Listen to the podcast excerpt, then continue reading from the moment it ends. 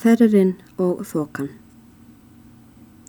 Nú er þar til að taka að aðalsteinn fer með ám sínum næsta morgun vestur í smjörhóla.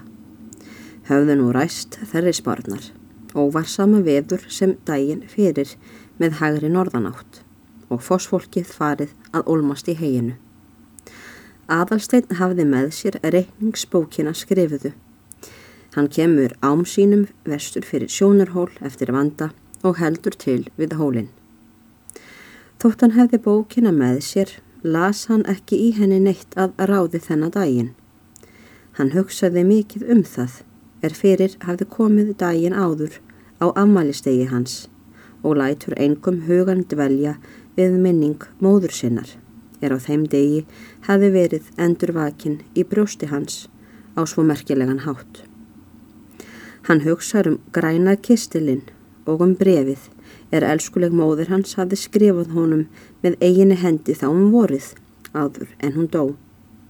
Hann hugsaði til þeirrar beðinni er móður hans hafði stílað til hans í þessu brefi og þótt hann væri ungur að aldri sá hann gjörla að vel mótti framkvæma hana á þann hátt er Sigurbjörg hafði bent á ef aðeins fengist fararleifið. Nú hafði hann leitað fyrir sér um það þjá föðurubróður sínum og myndi hefði endilega svar hans. Jórunni heyrði hann tala þar og eftir og fannst honum nú fyrst í stað sem þau orð er hún við hafði þá bagði sér frá að nefna bæði það og annað við hanna. Og þó hafði Sigurbjörg sagt, þetta áttu sjálfsagt að gjöra, fossjónin hljóta að leifa það. Allt þetta fekk aðalsteini nóg um að hugsa, án þess að hann sægi þar fyrir neitt þráð til að feta sig eftir í hugunum að æskilegri niðurstöðu. Og ekki hugði hann að sér myndi nokkur sinni auðnast að verða við beðinni móður sinnar, þótt hann fyndi mikla nöðusinn til bera þar sem hún hafði hartnær skrifað honum til úr gröfsinni. Þótt aðalstein var í ungur að aldrei sá hann nú reyndar og skildi þegar hann gætti betur að að gífur yrði jórunnar um kvöldið áður áttu ekki að lýsa kala til hans.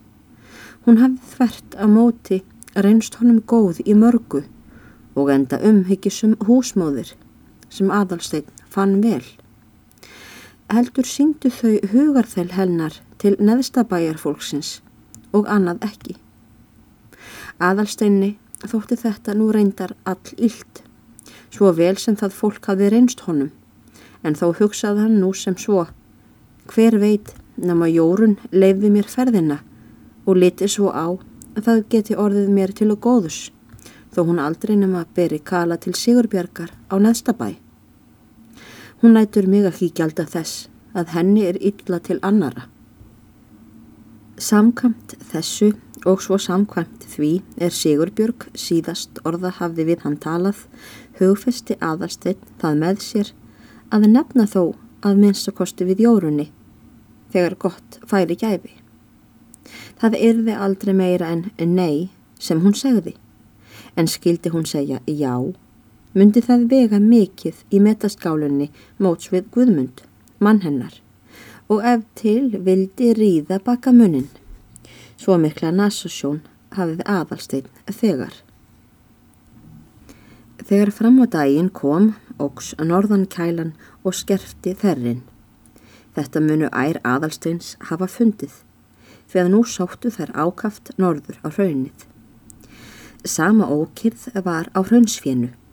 Það var komið norður undir sjónarhól og sá þó ekki til smalans. Aðalstein bregður nú við um nónbelið og fer fyrir ær sínar allar og hóar þeim suður á bógin og spekir þær aftur á þeirra vanastöðum. En er hann að stundu liðinni kemur á sjónarhól aftur þá er þar komin björn smalin á hraunni. Þeir aðalstein höfðu eigi sest fyrr í hjásetunni. Björn var piltur heldur efnilegur í sjón, 15 metra að aldrei. Þeir taka tal með sér og verða brátt kunnugir og þykir báðum vænt um að hafa hist.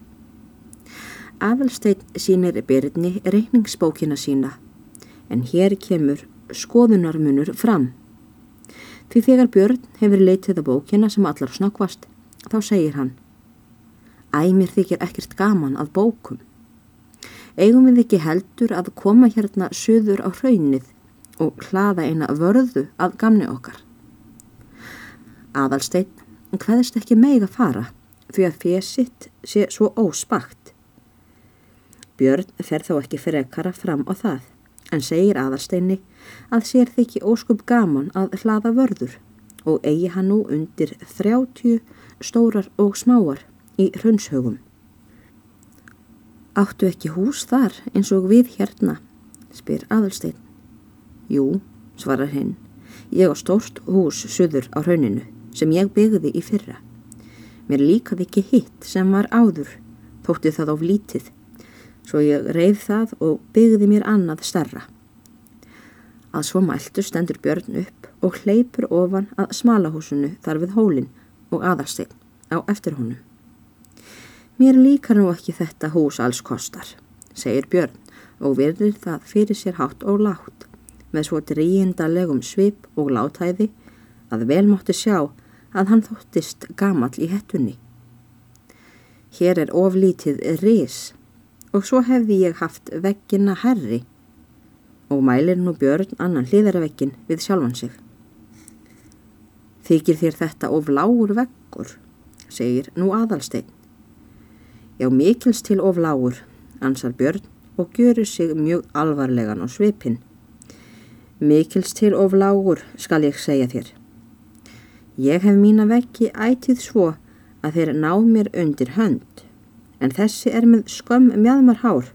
Sko, væri ég sem þitt einar, svo rifi ég nú þetta hús og byggði mér annað starra. Einar er nú hættur að sitja hjá fyrir laungu mælti aðarsteinn. Jæja þá það, sagði Björn. Gerir ekki grand.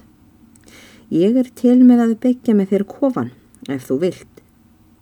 Ekki skaltu fara að eiga við það einsamall, en það trúi ég þér ekki fyrir veggjónum. Það þarf bæði vana og kunnáttu til að gera þá stæðilega. En býðum nú við, segir Björn og lítur í kringum sig með allra mesta búmanns svip. Við skulum sjá hvað gróti líður hér um hverfis. Ég býst við þér þykki ég vandlátur með steina og hleypur af stað í sama byli og fer að svipast að steinum kringum kofan. Aðalstein fer sömuleiðis að skiknast að steinum og ganga þeir nú sinn í kvoru lægi þar um flesjurnar. Já, já, hér á þá nafni minn hattin sinn enn og vestið, segir Björn þegar hann sér ræflana á flötunni og er nú kímin vel. Skildi þjónustunni hans ekki þykja mál komið að fara að fá þessi plögg heim. Þetta talaði Björn fremur við sjálfan sig en við aðalstein, er líka var of langt frá til að geta hirt það. Ég held að hér sé ekki mikið um góða steina að gera, segir aðalstein þegar hann kemur aftur til félagasins. Löst trúi ég því lagsmaður, svarar Björn, ef ég mætti vera að því að leita. En það er orðið framorð, svo ég kemst ekki til þess hérðanaf í dag. En dagur kemur eftir þennan dag, segja menn, og hart þætti mér að geta ekki fengið steina í vekkjaskamirnar ef ég leitaði sjálfur á annan borð. Eins og heyra má af þessu stutta samtali var það satt sem einar hafði sagt aðalsteini að Björn var dálítið drjúur. En nú var hann það reyndar heldur í frekara lægi og bar tvent til þess. Bæði það að ræða var um byggingar sem Björn var mesta hamleipa við og annað hitt að hann átti tal við aðarstein. Þetta barn í výstóminnum er enga reynslu hafi til jafns við Björn. Þegar þeir einar og Björn voru saman bar talfest minna á þessum dríindum bjarnar því að þá virti hann aldurinn og reynsluna.